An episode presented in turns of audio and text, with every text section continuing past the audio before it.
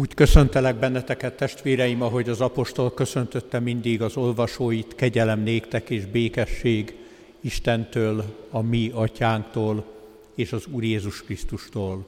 Amen. Kedves testvéreim, mint ahogy a bevezető szavakban is említettem, a mai vasárnap igehirdetési alapigéjét Pálapostolnak a Kolossé gyülekezethez írt levelében találjuk a harmadik fejezet első versétől olvasom az igét. Ha tehát feltámadtatok Krisztussal, azokat keressétek, amik odafent vannak, ahol Krisztus van, aki Isten jobbján ül. Az odafent valókkal törődjetek, ne a földiekkel, mert meghaltatok, és a ti életetek el van rejtve Krisztussal együtt Istenben. Mikor Krisztus, ami életünk megjelenik, akkor vele együtt is megjelentek dicsőségben. Keresztény gyülekezet szeretett testvéreim az Úr Jézus Krisztusban, amikor ezt a bibliai szöveget az én szövegszerkesztőmbe beillesztettem, akkor, ahogy ismerjük a szövegszerkesztőknek a mechanizmusát, egyetlen egy szót aláhúzott pirossal a számítógépen a szövegszerkesztő. Lehetne játszani azzal, hogy kitaláljuk, hogy melyik szó lehetett az, ami nem felel meg a magyar helyesírási szabályzatnak, vagy legalábbis a gépbe betáplált szabályoknak. De azt hiszem, hogy sok idő elmenne, és inkább hallgatnánk még tovább Bach muzsikáját, hogy találgatnánk. Hát ez a szó az odafent valók voltak. Így egybeírva. Odafent valókkal törődjetek. A gép nem tudja, mi az odafent valók. Ezt csak mi, emberek tudjuk. Mi, akik az Isten teremtési rendje szerint egyszerűen kapcsolatban lehetünk vele. Odafent valók. Ez egy mitikus kifejezés, az ókori világképből fakad, akik úgy gondolkodtak az ókorban, hogy az Isten világa az fent van, és lent van a gonosz világa, mi pedig itt élünk a földön, és a fent és a lent feszültségében vergődünk, ad odafent valókra figyeljetek. Mi, akikről azt írja a Biblia, hogy Isten a saját képére és a hasonlatosságára teremtett bennünket, embereket, mi tudunk figyelni. Ma talán azt mondanánk a transzcendensre, mind arra, ami az érzéki világon túl van, mind arra, ami a tapintható, a megtapasztalható világon, az emberi érzékszervekkel megtapasztalható világon túl van, ami érzék feletti, természet feletti, arra mi tudunk figyelni. Az előző percekben is talán így mélyedtünk el a muzsika hallgatásába. Fantasztikus futamok, fantasztikus harmóniák csendültek föl, lenyűgöző volt hallgatni Bach muzsikáját, és közben a lelkünk az talán nem a földi dolgokkal foglalkozott, hanem valamilyen módon szárnyalni kezdett. Mert a földi dolgokkal az életünk mindennapi teendőivel könnyű foglalkozni. Előttünk vannak. Mindig és mindenkor. A reggeli ébredéstől kezdve az esti lefekvésig. Azt hiszem, hogy mindannyian ismerjük azt, amikor az ébredéskor már ott sorjáznak a feladatok a fejünkbe. Mit kell ma megtennem? Kivel kell találkoznom? Kit kell fölhívnom telefonon? Milyen munka vár rám? Milyen problémát kell megoldanom? Ki fog engem meglátogatni? Ki fog segíteni a munkámban? Mit mond majd a főnököm vagy a beosztottam? különböző kérdések sorjáznak a fejünkbe már a hajnali órákban az ébredés pillanatától, és este ugyanígy összegezzük a napot, mi az, amit el tudtunk végezni, mi az, ami a munkánkból elmaradt, mi az, ami mulasztásunk, és mi az, amit rosszul oldottunk meg. Mindig arra figyelünk, ami a tennivaló. És milyen ritkán milyen kevés alkalommal emeljük föl a szívünket, ahogy a liturgiában is elhangzik olyan sokszor, emeljük fel szívünket, felemeljük az Úrhoz. Milyen ritkán emeljük föl a szívünket, hogy az odafent valókra figyeljünk.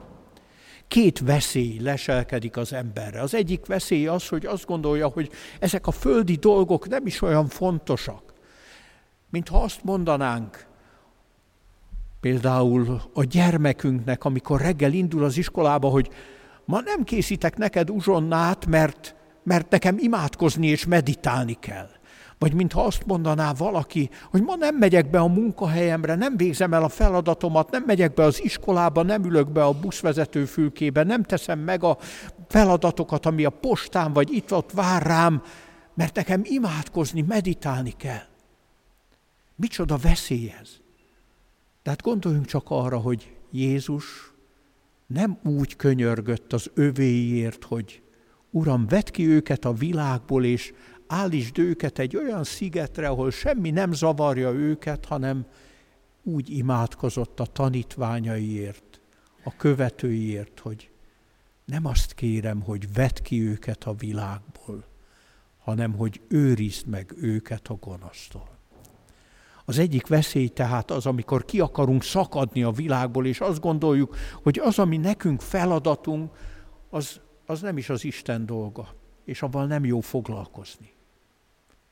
A másik veszély éppen ennek a fordítottja, hogy annyira belefeledkezünk a mindennapi dolgainkba, hogy észre se vesszük, hogy Isten jelen van az életünkben.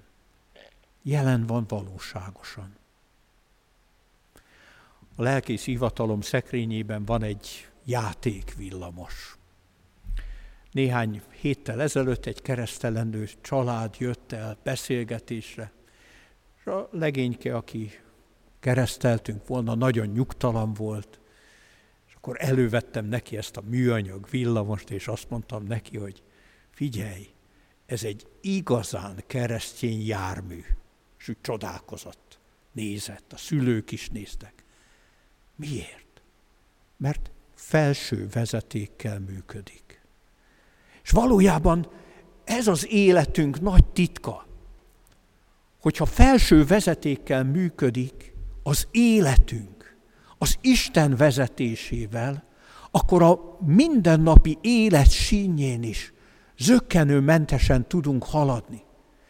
Mert a hit az nem egy üres drótba kapaszkodik, hanem abba az élő Istenbe, aki a Szentlélek által munkálkodni akar az életünkbe. Ő az, aki erőt ad. A zene hallgatása közben eljátszottam a gondolattal, hogy Johann Sebastian Bachot az ötödik evangélistaként szoktuk nevezni. Milyen szép ez az elnevezés. De biztos, hogy azok, akik ráakasztották ezt a nevet, lehet, hogy ő maga tiltakozott volna ez ellen, akik ráakasztották ezt a nevet, ötödik evangélista, elsősorban a nagy egyházi műveire, a passióra vagy a misére gondolt, amikor azt mondták, ötödik evangélista, mert az evangéliumot szólaltatja meg. De vajon akkor, amikor egy partitát írt, amikor a világi muzsikában gondolkodott, mondjuk a Brandenburgi versenyekben, akkor nem ugyanaz az erő hajtotta, ugyanúgy átjárta az Isten hatalma, szeretete, lelke, a harmónia vagy a békesség utáni vágy. Én azt hiszem, hogy nem lehet ezt így szétválasztani. Mindig összekapcsolódik. És a mi életünkben is az a jó és úgy lesz áldás, hogyha a hétköznapi dolgainkban, a mindennapi teendőink közepette a felső vezetékről, az Isten lelkének a munkájából erőt merítve végezzük el a leghétköznapi feladatunkat is. Az odafent valókkal törődjetek. Ez valójában nem azt jelenti, hogy szakadjunk el ettől a világtól, hanem azt jelenti, nyisd meg a szíved áramszedőjét, az Isten szeretete előtt. És akkor működőképes lesz az életed. Akkor keresni fogod a békességet, és nem csak keresed, hanem meg is találod, és akkor a békességet építeni fogod úgy, ahogy Isten rendelte, magunkban és közöttünk egyaránt. Munkálja ezt az Isten most is, amikor tovább hallgatjuk a Bach muzsikát Ábrahám Márta előadásában, és legyen békességünk. És arra kérek mindenkit, hogy a mű elcsend hangzása után, amikor majd tapsal megköszönjük a művésznőnek a szolgálatát, akkor maradjunk még egy mi atyánkra és egy áldásra együtt, hogy Isten áldásával tudjunk majd elindulni a hétköznapokra. Isten békessége, mely minden értelmet meghalad, őrize meg szívünket és gondolatainkat a Krisztus Jézusban. Amen.